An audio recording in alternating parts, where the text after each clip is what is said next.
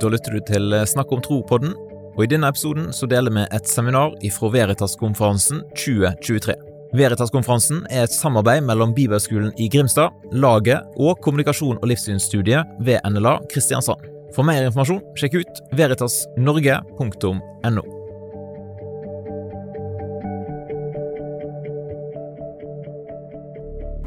Härligt! Ja, vi har ju setts några gånger här under helgen redan, eh, så jag ska inte säga så mycket om mig själv. Jag heter alltså Olof Edsinger, kommer från Sverige. Det kunde ni aldrig ana. Men jag jobbar för något som heter Svenska Evangeliska Alliansen. Eh, och eh, jag brukar säga att det är en, en hybrid mellan Norme och tankesmedjan Skaperkraft. Då vet ni ungefär vad jag gör. Jag skriver mycket, finns i den offentliga debatten på olika sätt. Och så skriver jag också böcker. Eh, och i det här seminariet så ska jag tala utifrån min senaste bok eh, som ju heter Farliga för fienden. Med underrubriken En bok om den andliga kampen och hur den kan vinnas. Eh, det tycker jag är härlig. Det är lite kaxig rubrik det här, Farlig för fienden. Jag vet inte vad ni tänker om det, men jag gillar den skarpt. Jag tänker att det borde vara varje kristen människas bön att faktiskt vara farlig för den onde. Jag vet att det är inte vi som ytterst sett besegrar den onde, det är Jesus och det ska vi tala mer om snart. Men jag tänker att det är väldigt sorgligt om vi som kristna skulle vara ofarliga för den onde, eller hur? Om det vi gör är så ointressant och neutralt för fienden att, att han inte bryr sig. Och därför tänker jag att det är en bra bön att, att tänka att ja, men jag vill på mitt sätt få göra skillnad för Guds rike och därmed också vara farlig för fienden. Därav titeln på min bok. Eh, men det här är ju också lite minerad mark. Eh, när jag jobbade med den här boken så läste jag en hel del av vad andra författare har skrivit eh, om den andliga kampen. Men då märkte jag att det har nästan inte skrivits någon enda bok i Skandinavien på det här temat de senaste 25-30 åren. Det är rätt speciellt. Det finns amerikanska författare som har översatts till svenska och norska och danska, så, men, men inhemska författare är väldigt ovanligt. Eh, och även om jag ser till min egen uppväxt, jag kommer från Evangeliska Fosterlandsstiftelsen i Sverige. Eh, jag fick absolut någon slags grundläggande undervisning om att det finns en ond makt. Eh, men man gick aldrig på djupet i de här spörsmålen kring djävulen, kring det onda, hur det fungerar och hur de verkar i den här världen. Och jag tänker att det utifrån det kan vara lite olika förhållningssätt också bland oss som sitter här. Eh, jag misstänker att det inte bara är jag som kommer från ett sådant sammanhang där man har talat väldigt lite om den andliga kampen. Eh, men ett första spörsmål kan ju vara om det här verkligen är ett sådant viktigt ämne. Ehm, förtjänar det en hel bok? Förtjänar det ett seminarium? Ja, jag tror ju det uppenbarligen, annars skulle jag inte stå här. Eh, men om vi tittar lite enkelt bara på, på Bibelns stora berättelse, den stora förtällningen, så är det ju så att redan i Bibelns tredje kapitel dyker eh, djävulen upp som en personlig ond makt. Eh, då i formen av ormen som vi säger på svenska, slangen tror jag ni säger, eller hur? Han som är förvillare, eh, förförare i paradiset. Eh, när vi läser de poetiska skildringarna i Bibeln så stöter vi på eh, Leviatan och andra urtidsdjur. Eh, och de kan nog stå för lite olika saker.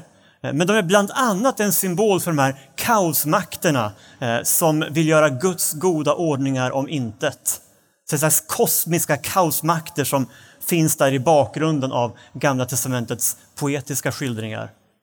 Och så har vi förstås eh, det mest konkreta uttrycket för den här kampen mellan ont och gott i Gamla testamentet och det är den ständiga kampen mot avgudarna. Gång på gång i Gamla testamentet läser vi om kampen mot avgudarna eh, som ju vissa perioder leder till regelrätta krig eh, mellan Israels folk och särskilt då de sju folken i Kanaan. Eh, och allt det här handlar om kampen mellan ont och gott, men det handlar också om att här finns det någon form av andlig realitet som Guds folk behöver vända sig emot. Kommer vi sen in i Nya Testamentet, ja då blir ju konflikten ännu tydligare. För där kan man säga att Guds rike framställs som själva eh, motpolen till den ondes rike. Eh, Jesus proklamerar Guds rike, Guds herravälde och när han gör det blir det konfrontation. Och vi ser det på olika sätt. Eh, vi ser det till exempel i det som Petrus säger i Apostlagärningarna 10 att Jesus gick omkring och gjorde gott och botade alla som var i djävulens våld. Och så ser vi också som ett pärlband genom de fyra evangelierna ett antal skildringar av hur onda andar manifesterar sig eh, och som slängs ut av Jesus, men också av hans lärjungar. Konfrontationen med det onda är också en, en direkt eh, manifestation av onda andar här i tiden. Och så kommer vi till Bibelns sista bok, klimax på den bibliska uppenbaringen. Eh, och den heter ju just det, Uppenbarelseboken på svenska. Där möter vi Jesus som ryttaren på den vita hästen. Han kastar den sataniska treenigheten i sjön som brinner av eld och svavel. Alltså djävulen, vilddjuret och den falske profeten. Det är den sataniska treenigheten i uppenbaringen. Och klimax på hela världens historia är faktiskt att den förintas för evigt, slängs i den brinnande sjön. Och därför är det inte konstigt att Johannes, som ju faktiskt har skrivit uppenbaringen, i alla fall är det vad jag tror, att han skriver i sitt första brev.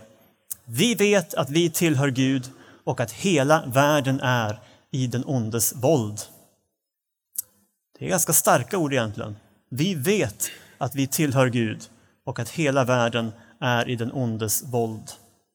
Eh, så den osynliga världen i allmänhet, men den andliga kampen i synnerhet, är verkligen centrala teman som jag uppfattar det i Guds ord och i den kristna tron. Eh, och vi har ju C.S. Lewis-tema här i år. Eh, och C.S. Lewis formulerar det här väldigt väl i sin bok Mere Christianity. Se det i ögonen är den norska titeln. Och nu får den det på svenska. Något som överraskade mig när jag först läste Nya Testamentet på allvar, det var att det hade så mycket om en mörk makt i tillvaron. En mäktig ond ande som ansågs vara makten bakom sjukdom och död och synd. Skillnaden mot dualismen är att kristendomen anser att denna mörka makt skapats av Gud och var god när den skapades, men slog in på en orätt väg. Kristendomen tror, likt dualismen, att det pågår en kamp i tillvaron, men den tror inte att det är en strid mellan självständiga makter.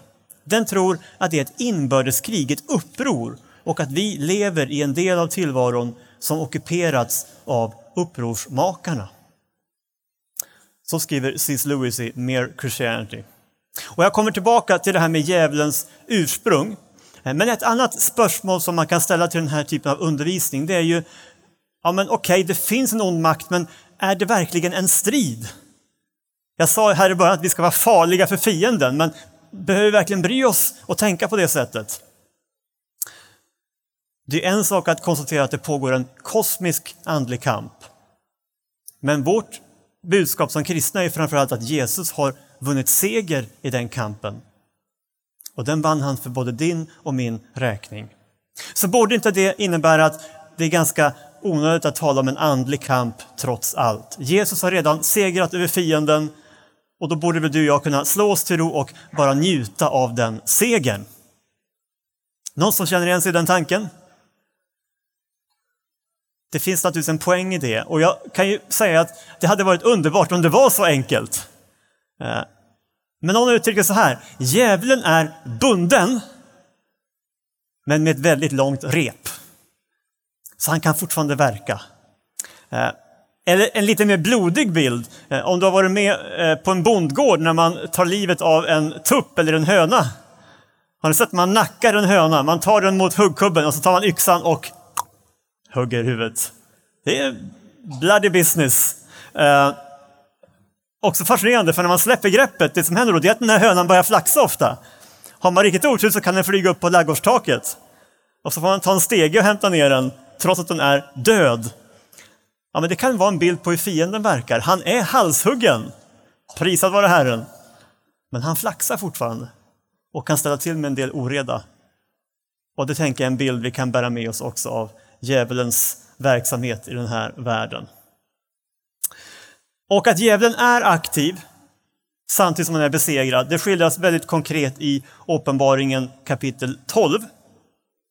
Som ju är kanske den viktigaste texten egentligen om just djävulens ursprung i Bibeln. Eh, och i vers 7-9 står det så här, att det blev en strid i himlen. Mikael och hans änglar stred mot draken Och draken och hans änglar stred och han var inte stark nog. Och det fanns inte längre någon plats för dem i himlen. Och den store draken, den gamle ormen som kallas djävul och Satan och som förleder hela världen kastades ner på jorden och hans änglar kastades ner med honom. Tre verser bara, men ganska mycket fakta faktiskt som vi får här. Eh, det första vi får veta är att det verkligen finns en personlig ond makt. Och bara i den här texten får han fyra olika namn. Det är draken, det är slangen, det är djävulen och det är Satan. Vi får också veta att eh, djävulen är en ängel som i sin tur har ett större antal änglar som han kallar för sina och som på något sätt måste höra samman med honom. För det tredje får vi veta att djävulen var högt uppsatt i den himmelska världen. Det krävdes att ärkeängeln Mikael, han som för övrigt är Israels skyddsängel, han måste dra i strid för att besegra djävulen. Och sist men inte minst får vi veta att djävulen efter det här, han kunde inte behålla sin plats i himlen. Han fick sin plats nere på jorden till stor skada för oss som bor här. Och det står lite senare i samma kapitel. Jubla därför, ni himlar och ni som bor i dem, men ve dig, du jord och du hav, för djävulen har kommit ner till er i stor vrede eftersom han vet att hans tid är kort. Vad var det då som var bakgrunden till den här katastrofen? Varför valde djävulen att göra uppror mot Gud? Ja, på den eh, äh, punkten är Bibeln ganska tystlåten. Eh, men det finns två texter som under hela kyrkans historia eh, har ansetts belysa det som skedde den där ödesdigra dagen någonstans i begynnelsen. Eh, den här dagen då faktiskt ängeln Mikael måste rycka ut mot en av sina egna. Och det är två texter i Gamla testamentet. Först från Jesaja 14. Och i sitt ursprungliga sammanhang så är det här en domsprofetia. En dom över kungen i Babel Eh, som var en maktfullkomlig tyrann. Eh, och, och, i grymhet stod det, slog folken med slag på slag och i vrede härskade över folkslagen med skoningslös förföljelse. Det är en domsprofetia över denna tyrann. Men så verkar det efter ett tag ske ett skifte i texten där språket liksom öppnar för en ny, en, en annorlunda dimension. Och det här känner vi igen från ganska många texter i, i särskilt Gamla Testamentet, eh, där det finns till exempel texter om den jordiske kungen David. Och så märker man när man läser att här är det också en slags profetisk sida som handlar om Messias. Den store kungen, Jesus själv. Många profetier som har en slags dubbelprägling som handlar både om en jordisk person, kanske en kung, men också om Jesus. Och det verkar som sagt som att några texter i Gamla testamentet har en motsvarande dubbelprägling men åt andra hållet och ger någon slags aning också om vad som sker i den demoniska verkligheten. Och det står så här i verserna 12 och framåt. Hur har du inte fallit från himlen, du strålande stjärna, du gryningens son? Hur har du inte blivit fälld till jorden, du som slog ner folken till marken? Du sa i ditt hjärta, jag ska stiga upp till himlen, jag ska resa min tron ovanför Guds stjärnor. Jag ska sätta mig på mötesberget längst upp i norr. Jag ska stiga upp över molnens höjder. Jag ska bli som den högste.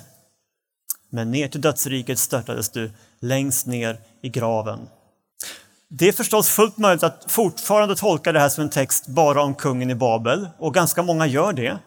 Men genom hela kyrkans historia är det många som har läst det här som en profetia faktiskt, eller en bild också av djävulens fall i tidernas begynnelse. Eh, ett av djävulens mest kända namn kommer faktiskt från den här texten. Lucifer känner du igen, eller hur? Lucifer, det är inget namn som står i Bibeln egentligen på djävulen. Men Lucifer är det latinska namnet för den som bär ljuset, eller du strålande stjärna som det står här. Ljusbäraren. Den latinska vulgatöversättningen från medeltiden översatte just Jesaja 14 så. Så det härifrån namnet Lucifer kommer.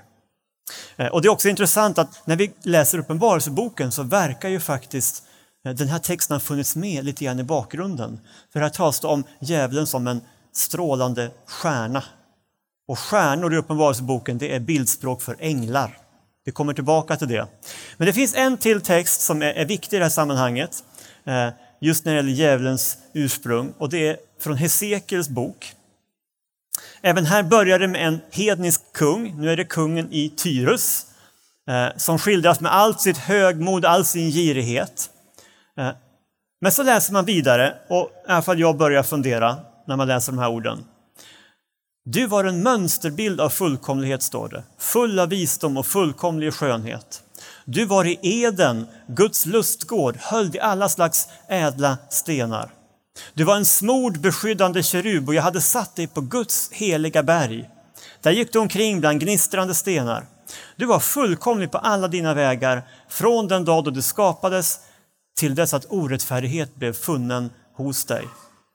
Eftersom ditt hjärta var högmodigt på grund av din skönhet och du fördärvade din visdom på grund av din prakt kastade jag ner dig till jorden och utlämnade dig åt kungar till att beskådas.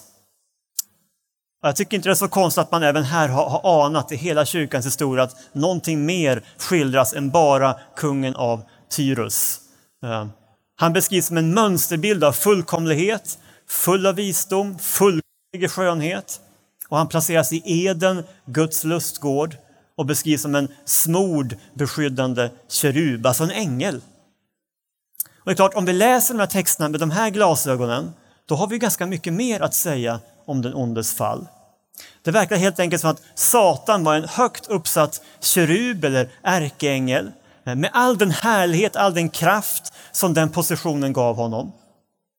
Men med tiden så var det just denna härlighet som blev Lucifers fall.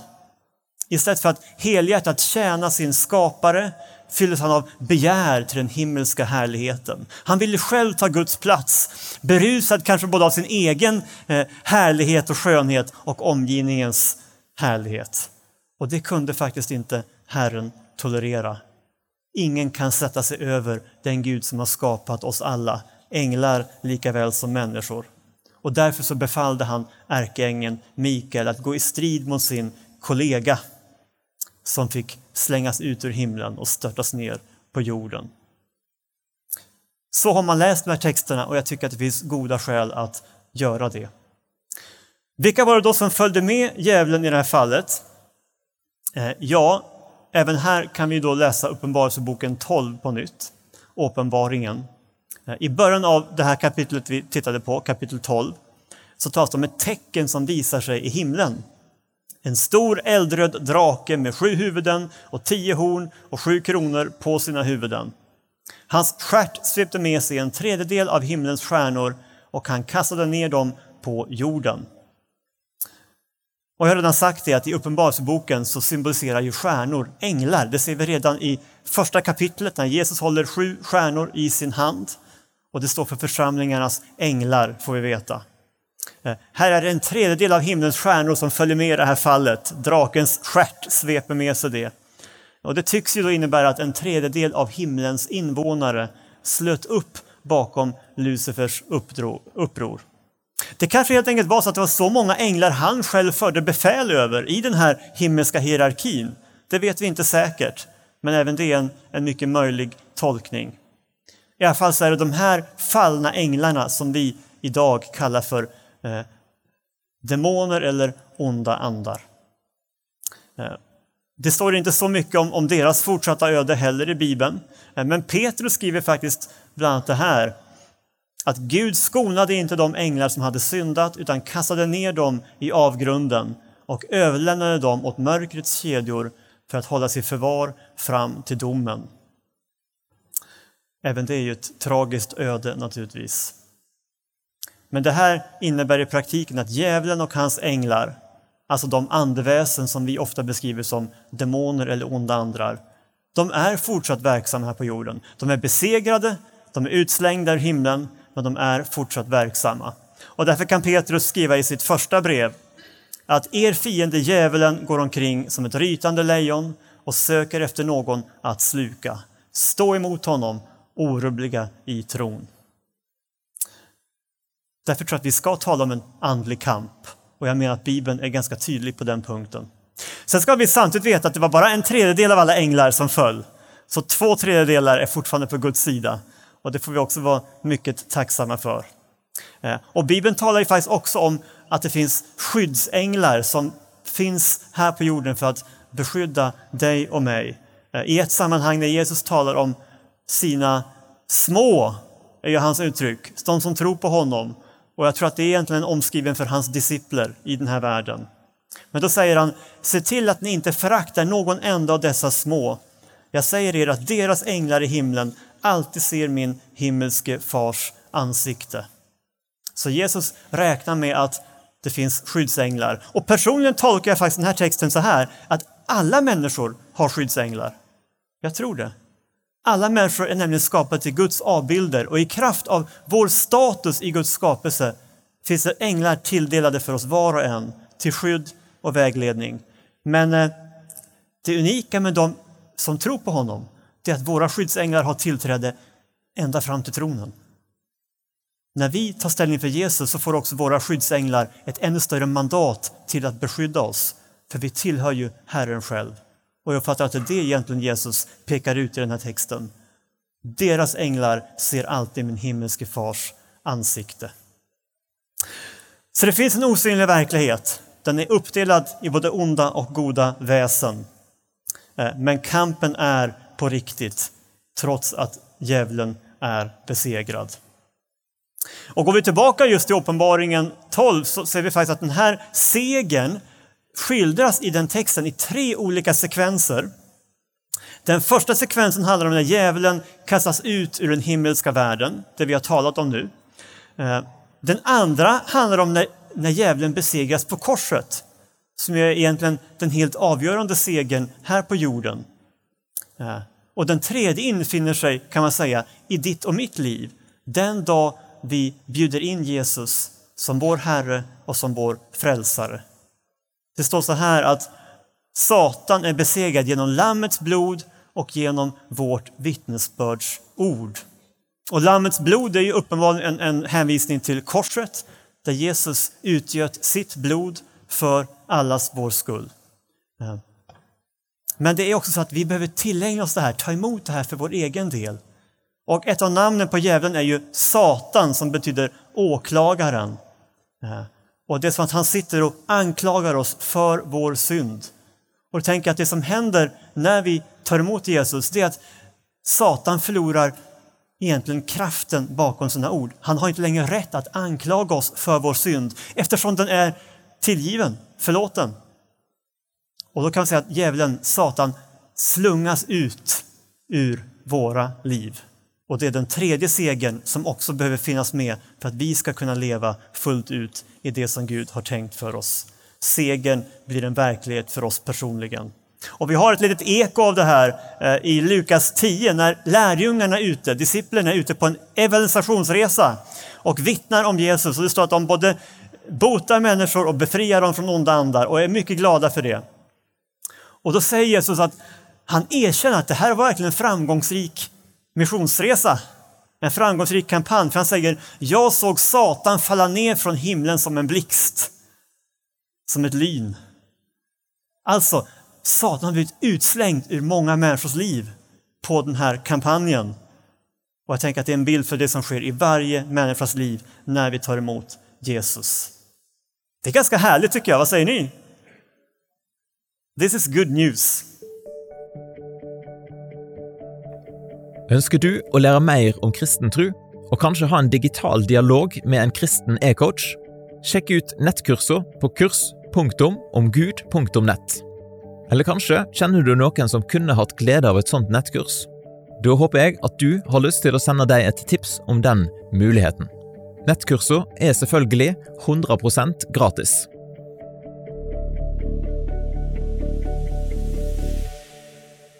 Men kampen är fortfarande på riktigt. Eh, och om vi läser Paulus brev till exempel ser vi gång på gång att han använder ett slags språk som handlar också om en andlig kamp. Det här är de allra mest kända, Efesierbrevet 6, eh, som också är inledningen på Paulus undervisning om trons rustning. Vi kämpar inte mot kött och blod, utan mot förstarna, mot makterna, mot världshärskarna här i mörkret och mot ondskans andemakter i himlarymderna. Här står det ju svart på vitt egentligen, att bakom väldigt mycket av det vi möter, kanske som ideologier, men också som individer som motarbetar Guds rike i den här världen, eh, så döljer sig egentligen inte bara en människa eller en grupp människor, utan andliga krafter. Och vi ser liknande språk på, på många ställen. Det här är några exempel. Eh, I Romarbrevet så talar Paulus om att vi ska ställa våra lemmar i, i Guds tjänst som vapen åt rättfärdigheten. I Andra Korinthierbrevet skriver han att vi ska fatta rättfärdighetens vapen i höger och vänster hand. Och när han på livets höst skriver en hälsning till sin medarbetare Timoteus, ja då talar han om att han ska lida som en god Kristi Jesus soldat. Så det är militärt språk och han egentligen talar om, om den kristna menigheten som en armé i de här texterna. Och jag tänker att det är en av flera viktiga bilder för den kristna menigheten, att vi är soldater i Guds armé. Vi har ställt oss på den goda sidan eh, och vi har blivit indragna i den kosmiska kampen, den som har utspelat sig i tusentals år mellan Gud och djävulen. Och det är en kamp som i en mening redan är vunnen, eh, men som också sätter spår i vår tillvaro här på jorden. Och jag nämnde ju här på soffasamtalet i, i förmiddags att, att jag själv drogs in i de här frågorna ganska mycket genom praktik. Att, att jag märkte att när jag gick in i olika ledaruppdrag och, och, och var, var liksom drivande i olika projekt i Guds rike så kom det också mothugg och motstånd och incidenter av olika slag som inte verkade vara mänskliga i sin natur. Jag kan ta ett enkelt exempel. Det är från min fru, min kone. Och då var hon min flickvän, men hon var lägerchef på ett av de här nyårslägren som vi hade. Och i december så började hon drömma mardrömmar. Flera nätter i rad drömde hon mardrömmar. Eh, och hon brukar aldrig drömma mardrömmar annars, så att efter ett tag så liksom bara nämnde hon om det här att det är konstigt, jag, jag som aldrig brukar ha det så här och, och så. Gång på gång har jag drömt mardrömmar. Och då var vi hemma hos mina föräldrar och då var det min mamma som sa att men det här är ju en attack. Och vi hade som sagt inget språk för sånt här, vi, vi tänkte inte de banorna. Eh, men det min, ja, nu, numera kone då gjorde, det var att hon helt enkelt iklädde sig trons rustning varje kväll när hon skulle lägga sig. Och hon drömde aldrig någon mer mardröm. Och för mig är det ett sånt enkelt praktiskt exempel på varför vi behöver tala om det här. Hade hon inte fått hjälp att se vad det här var skulle hon kanske fortsatt drömma mardrömmar ända fram till det här lägret. Helt i onödan. Så låt oss tala om det här åtminstone så mycket att vi, vi kan identifiera när det är sådana här angrepp så att vi inte lider faktiskt helt i onödan. C.S. Lewis skriver en bok som också handlar om den andliga kampen. Den heter The Screwtape Letters, eller Djävulen dypper pennen på norska. Och då säger han några mycket kloka ord i, i, i början av den boken. Att i fråga om djävlarna kan människosläktet råka ut för två villfarelser. Bägge lika stora, fast av diametralt motsatta slag. Den ena är att inte tro på deras existens. Den andra är att tro på dem och hysa ett överdrivet och osunt intresse för dem. De själva är lika förtjusta över bägge dessa villfarelser och hälsar med samma tillfredsställelse en materialist och en person som är hemfallen åt religiös vidskepelse. Och så skriver C.S. Lewis lite längre fram, och nu är det faktiskt i dialog mellan de här två demonerna som, som är huvudpersoner i boken. Då säger de att det finns ett fruktansvärt dilemma för demonerna. Att när människorna inte tror på vår existens så går vi miste om de angenäma resultaten av direkt terror. Och vi kan inte skapa någon religiös vidskepelse. Men å andra sidan, när de tror på oss så kan vi inte göra dem till materialister. Demonernas dilemma. Eh, men jag tänker att det här målar en ganska intressant bild av var vi befinner oss här i Norden. Eh, för vi tillhör ju en kultur som hör till några av de mest materialistiska i världshistorien. Eh, stora delar av befolkningen är övertygade om att det inte finns någon osynlig värld överhuvudtaget. Och inte någon gud heller då förstås. Och som jag sa tidigare idag så, så till och med finns det många som förnekar att även vi människor har en själ. Så det är ett väldigt materialistiskt samhälle. Och det är klart att i en sån kultur, om man sätter sig på fiendesidan här, så är det smartaste sättet att agera, det är att jobba undercover. Om människor inte tror på en så ska man inte göra för mycket väsen av sig, utan man jobbar under radarn eh, och vill helt enkelt undgå upptäckt i största möjliga mån.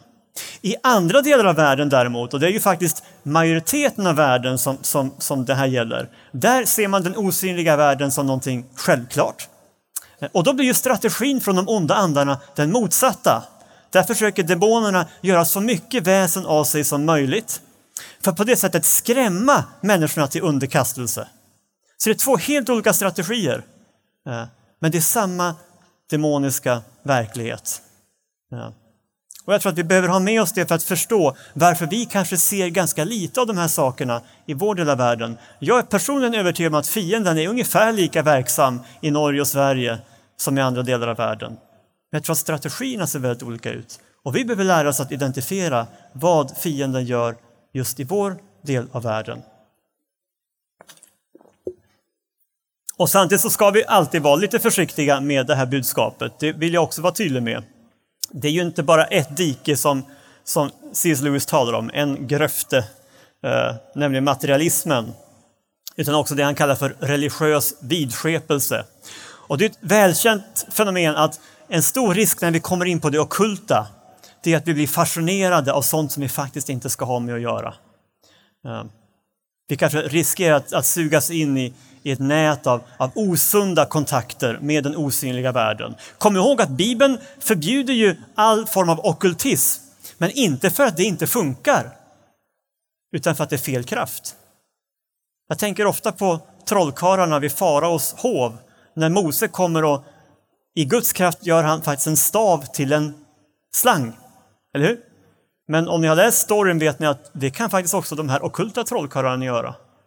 Det är ett oerhört konkret okult under. Alltså en träpinne gör dem till en slang. Det är otroligt. I okult kraft. Så problemet är inte att det aldrig funkar. Problemet är att det delvis faktiskt kan funka. Men det är fel krafter och de ska vi inte ha med att göra. Eh, och därför var det viktigt för mig i min bok också att, att jag går all, egentligen aldrig in på att beskriva några okulta ceremonier eller, eller praktiker. Eh, det räcker att vi vet att vi ska liksom inte gå in där. Eh, och jag tänker att det är det Jesus också talar om, att vi ska vara listiga som slanger. Kloke står det här. Och troskyldiga som duer. Oskyldiga som duvor, säger jag. Och det är en bra hållning i de här frågorna. Men även det som Paulus skriver i Efesierbrevet 5. Var inte delaktiga i mörkrets ofruktbara gärningar, utan avslöja dem istället. Vad de gör i hemlighet, det är skamligt till och med att nämna. Don't go there. Läs inte okulta böcker för att fortbilda dig eller för att kunna vara ett vittne för den miljön. Vissa saker ska vi hålla oss ifrån. Men vi ska vara medvetna om att de här kraftfälten finns. Och vi ska också vara medvetna om var verklig frihet finns. Eh, och jag tänkte säga lite kort här innan vi avslutar eh, om vilka arenor som vi kan möta den här kampen på. Eh, och den grundläggande konflikten har vi redan nämnt. Den är ju egentligen konflikten mellan Guds rike och djävulens rike. Där vi kallas att ta ställning för Jesus, som är kungen i Guds rike, och bli hans discipler. Men hur har djävulen då fått ett insteg i den här världen? Ja, det tycks vara två huvudsakliga saker som, som ger fienden ett insteg. Och det första är synden. Djävulen och hans onda andar får ett insteg i världen genom synden. För synden är ju egentligen en inbjudan till djävulen, om vi uttrycker det krast. Eh, och det var det som skedde i Edens lustgård, när Adam och Eva valde att lita mer på det som slangen berättade för dem, än på vad Herren hade sagt. Det är ju faktiskt så att genom det gav de över någonting av ett mandat att styra den här världen som var tänkt för människan, men som gjorde att djävulen fick den här platsen i tillvaron istället. Synden öppnade upp för fiendens regerande av den här världen. Och det är samma sak i det lilla. Överallt där fienden verkar finns det också någon form av synd som har öppnat för hans närvaro. Och hela världen är ju fallen, så att tyvärr är de områdena ganska många vid det här laget. Eh, men det finns också en annan sida här, som jag gärna skulle säga mer om, men jag tar det väldigt kort nu. Eh, det är att det finns också mandat eller territorier som tycks ha delats ut i den osynliga världen. Där det från början var en god ordning att Gud till olika änglar hade gett vissa områden som de skulle bevaka och beskydda. Eh, men där det också verkar som att efter fallet så fick de territorierna var kvar under de andemakternas beskydd. Så det finns både goda och onda änglar som har ansvar för olika territorier. Eh, den bibeltext som jag någonstans tycker man kan ana en sån princip på är att Gud ångrar inte sina gåvor och sin kallelse. Det verkar som att ibland så har Gud gett territorier också till andliga makter som från början var goda men som sen har vänt sig emot honom. Eh, helt klart är att det finns ett, ett slags begrepp av territoriella andemakter eh, som vi vet både från Bibeln och från erfarenheten att, att olika områden kan ha olika slags andliga kraftfält kring sig. Kanske också en av de saker som kan förklara varför det blir väckelse återkommande på vissa platser. Jag tror att det delvis har att göra med att där är också de onda makterna i den regionen försvagade tack vare vad Gud har gjort på den platsen. Och därför kan det uppstå väckelse i generation efter generation. För det är någonting som har skett i den osynliga världen. Vi ser det här fenomenet i Markus 5, Markus evangeliet 5, där Jesus kommer över till något som heter Gerasenernas område. Och där möter han en svårt demoniserad man som bor bland gravarna. Och han har fått en övernaturlig styrka på grund av de här demonernas närvaro. Och så står det så här. När han nu fick se Jesus på långt håll kom han springande och föll ner för honom och skrek högt. Vad har du med mig att göra, Jesus, den högste Gudens son? Lova mig inför Gud att du inte plågar mig. Jesus hade nämligen just sagt till honom, du orena ande, far ut ur mannen. Nu frågade han honom, vad är ditt namn? Mannen svarade, mitt namn är Legion, för vi är många. Och han bad gång på gång att Jesus inte skulle driva bort dem från området. Det finns mycket att säga om den här texten. Det är ganska intressant till exempel att Jesus frågar vilken sorts demon han har med att göra vilket namn, vilken karaktär den har. Eh, och det är väl en erfarenhet, inte minst från bönerörelsen, att ibland kan Gud faktiskt ge uppenbarelse om vilket slags andliga kraftfält vi kolliderar med. Och att det kan också vara en hjälp när vi ska be för fullständig frihet från det. Eh, men det vi också ser är ju att legion vädjar till Jesus att han ska få vara kvar i området. Det är ganska märkligt, eller hur? Man kan tycka att det spelar väl ingen större roll var han hänger, han får ju åka in i svinen då. Eh, och de faller i sin tur ner i vattnet, så, så då får de ju leta vidare ändå. Men de vill vara kvar i den regionen. Och det intressanta är ju framförallt att Jesus respekterar den önskan. Och jag tolkar det som att Legion faktiskt har legal rätt att vistas i just Gerasa. Det är någonting som gjort att, att Legion eh, finns där. Eh, kanske att, att det är ett territorium som är tilldelat tidigare i historien, men vi vet också att det finns en avgudadyrkan och en synd i den regionen. För det som slutar den här berättelsen det är ju att folket samlas och ser undret som Jesus har gjort. Och några av er minns vad som händer. De ber Jesus att gå, trots att de har sett Guds kraft manifesteras. Så här har vi en befolkning som hellre vill att legion ska härja i deras trakter än att Jesus kommer. Och det är just därför som legion får vara kvar. Jesus ser att du har fortfarande legal rätt till det här området. För folket här vill hellre hylla dig än mig. Så vi ser här att territorier också kan ha en andlig laddning på grund av just en sån närvaro, men också på grund av synden hos folket i den regionen. Och eh, Tiden går, så jag ska inte säga så mycket mer, men jag vill säga allra sist några väldigt korta saker om hur den här realiteten också landar i våra personliga liv. Eh, och eh, alla som har lite mer old school luthersk bakgrund här i rummet bör känna till ordet anfäktelse. Eh, för det här är ett centralt ord i den lutherska traditionen. Det är egentligen tankar och känslor eller erfarenheter som vill ta frimodigheten, frälsningsglädjen ifrån oss. Det är anklagande tankar. Det kan vara tankar på att inte duga, att, att Gud inte kan förlåta mig. Det kan också vara djupa tvivel, ett andligt mörker, det kan vara självmordstankar. Inget av det här behöver vara demoniska attacker. Allt det här kan ha väldigt naturliga förklaringar. Men det är samtidigt så att ibland är det faktiskt fienden som ligger på och, ser, och ger, sår in de här sakerna i våra liv. Eh, och där tänker jag att det hör till en, en grundläggande kristen praktik att faktiskt tala till anfäktelsen. Eh, jag minns jag hade en period där jag stod i ett ganska starkt andligt skeende och väldigt mycket gott som hände. Mycket att vara tacksam och glad för. Men själv så drabbades jag av ett väldigt missmod. Jag var väldigt nedstämd i flera veckor. Eh, och det kan man ju vara, det är inget konstigt. Men efter ett tag så stannade jag upp och funderade, varför i hela världen känner jag så här? Det finns liksom inga objektiva skäl för varför jag har den här nedstämdheten. Och då bara klackade till med mig, men det här kanske är anfäktelse, det kanske är en attack. Och då bara sa jag i Jesu namn, Gud har inte gett mig modlöshetens ande utan kraftens och kärlekens och självbesinningens ande. Ge dig iväg Satan!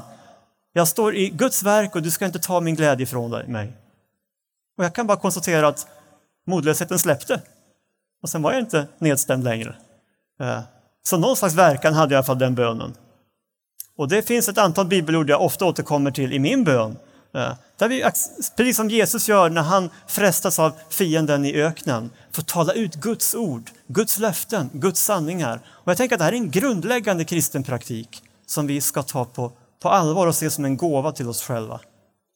Sen hade jag tänkt säga någonting kort om andliga bindningar och också det man kan kalla för svårare demonisering eller till och med besättelse.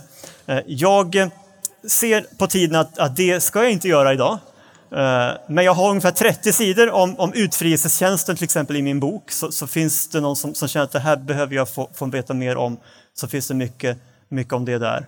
Eh, men jag tänker, kan jag bara säga kort, att demonisering, onda andars närvaro i individers liv, det är ett väldigt elastiskt begrepp. Det kan vara allt ifrån sådana små eh, anfäktelsepilar som skickas mot oss till i vissa extremfall människor som verkligen är, som mannen i Gerasa, djupt eh, präglade av, av demonisk närvaro. Jag tänker att som kristen kan jag inte vara besatt i meningen att en ond ande äger mig. Det kan inte ske för en människa som är fylld av den heliga ande. Men även en kristen kan uppleva någon form av demoniskt tryck och där kan vi ändå behöva be om, om hjälp och frihet eh, också i det kristna fällskapet. Vad vi säkert vet är att Jesus ger ett tydligt uppdrag till sin kyrka som handlar om att också driva ut onda andar. Och faktum är ju att det här är ett av de få sakerna som inte finns omnämnda i Gamla Testamentet. Så det här är en, en ny tjänst i och med det nya förbundet. Och den vilar på korsets grund, på Lammets blod. Utifrån Jesus seger på korset kan också vi stå i en utfrielsestjänst konkret mot de onda makterna. Eh, och vi får inte glömma den delen av det kristna budskapet. Även om det finns mycket annat som är viktigt och i vissa fall viktigare, så är det här en central del av vad Jesus faktiskt kallar sin församling att göra. Eh, så jag tror att vi behöver tala om det också här och nu. Vill du lära mer om kristen trosforsvar? Ta turen på neste Veritas-konferanse, eller sjekk ut ressursene på snakkomtro.no. Du kan òg studere kommunikasjon, livssyn og kristen apologetikk på NLA Høgskolen. Sjekk ut nla.no kl. Setter du pris på at vi deler sånne ressurser via Snakk om tro-podkasten? På damaris.no finner du informasjon om hvordan du kan støtte arbeidet vårt økonomisk.